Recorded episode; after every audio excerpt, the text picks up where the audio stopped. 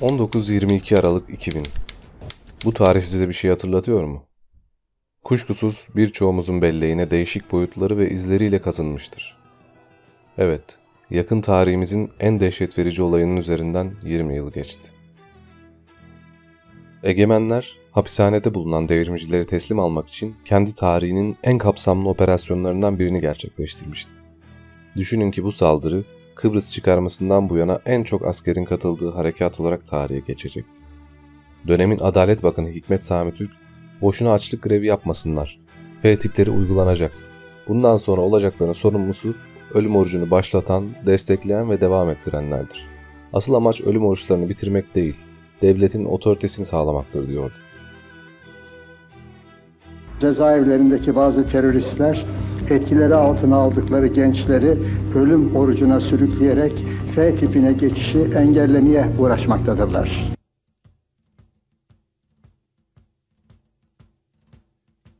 Televizyonlarda anlattıklarından ziyade düzen cephesinden sorun daha kapsamlıydı.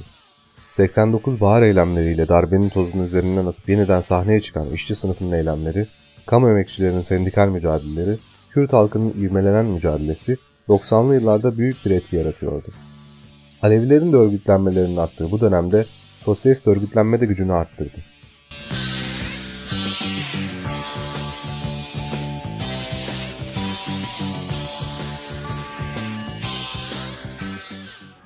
Madenci grevi 35. gününde Zonguldak'tan taştı.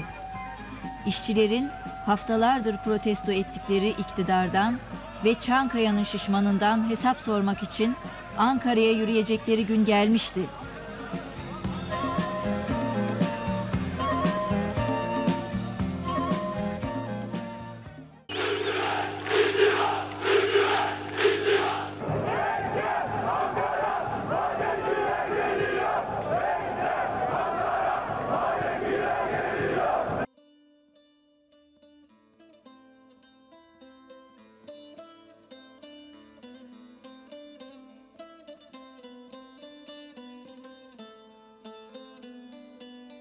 Diğer yandan IMF ile anlaşmalar imzalayıp AB ile uyum sürecini tam bağlılıkla yürütmeye çalışan egemenler Sivas'ta ve Gazi Mahallesi'nde olduğu gibi katliamlara girişiyor, hapishaneleri siyasi tutsaklarla dolduruyor ancak ne içeride ne de dışarıda mücadele ateşini söndüremiyordu.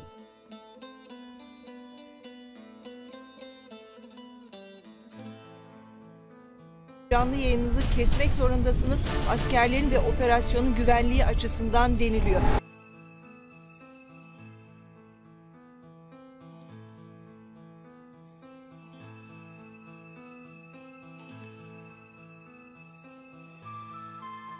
Hayata dönüş işte bu konjonktürde sadece içerideki otoriteyi sağlamak için değil, aynı zamanda dışarıya da gözdağı vermek için gerekliydi. Dört bir yanı duvarlarla çevrilmiş insanlara hala ne olduğu tam bilinmeyen kimyasal silahlar, gazlar, iş makineleri ve çeşitli ateşli silahlarla saldırılmış, 28 devrimci tutsak katledilmiş, yüzlerce insan yaralanmıştı. Saldırının kapsamı ve vahşete dönüşen sonuçları düşünüldüğünde katliam olarak anılması elbette yadırganamaz.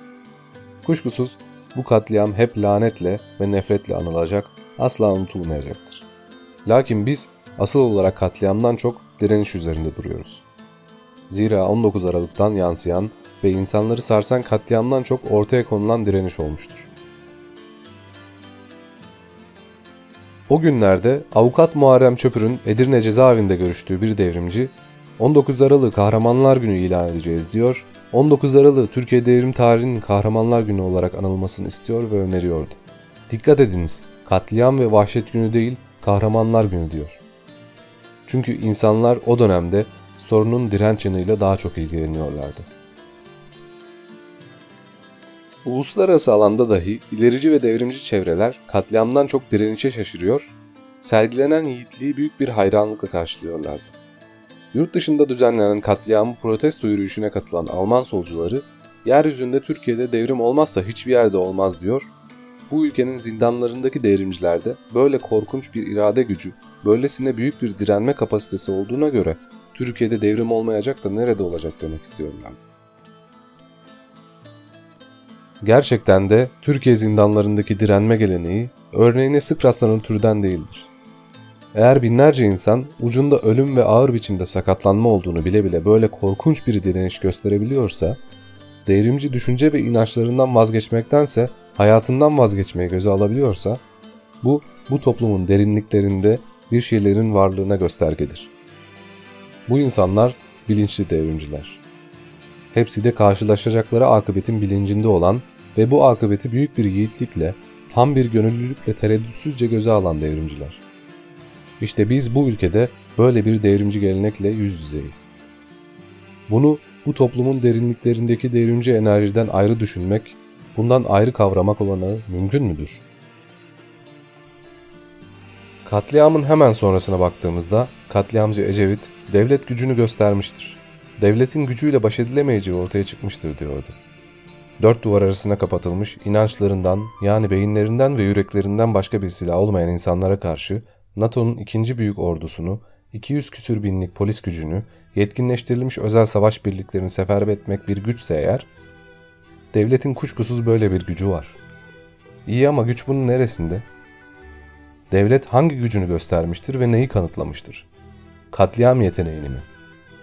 Burada yeni olan, yeni olarak kendini gösteren ya da kanıtlayan herhangi bir şeyin olmadığını Türkiye halkları ve devrimcileri çok iyi bilmektedir. Ki devletin bu sözde gücünü devrimci tutsaklar çok iyi biliyor, zaten sorunu da bu temelde ortaya koyuyorlardı. Ölürüz ama teslim olmayız diyorlardı, sonuç ortada. Öldüler ama teslim olmadılar. Cesetlerimizi çiğnemeden bizi hücrelere sokamazsınız diyorlardı, sonuç ortada. Onlarca devrimcinin cesetlerini çiğnemeden kimseyi hücrelere sokamadılar. Katliamdan yalnızca bir gün önce ölüm oruçları üzerinden konuşurken Süleyman Demirel, biz 30 yıldır bu izi silemedik diyor. Yani denizlerin, mahirlerin ve İbrahimlerin mirasından, onların direnme geleneğinden bahsediyordu. Devrimciler açısından yeni bir şey yoktu. 19-22 Aralık'ta da haykırılan şey aynıydı.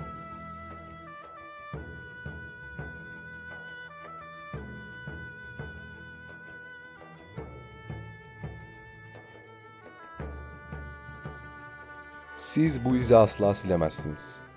Dört günlük zindan direnişinin ardından, binlerce insanın gösterdiği kahramanca direnişin ardından, insanların kendisini böylesine feda etmesinin ardından bunu hiç başaramazsınız. Hastane bodrumlarında, F tipi hücrelerinde işkenceden geçirilen devrimcilere direnişi bıraktırmayan bir rejim neyi başarmıştır? Ve bütün bunlar olduktan sonra o izi silmek mümkün müdür?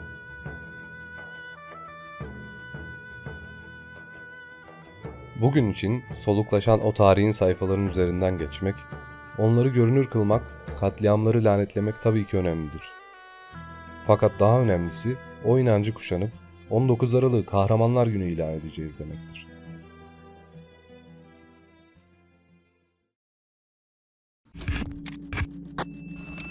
Bir sonraki videomuzda görüşmek dileğiyle.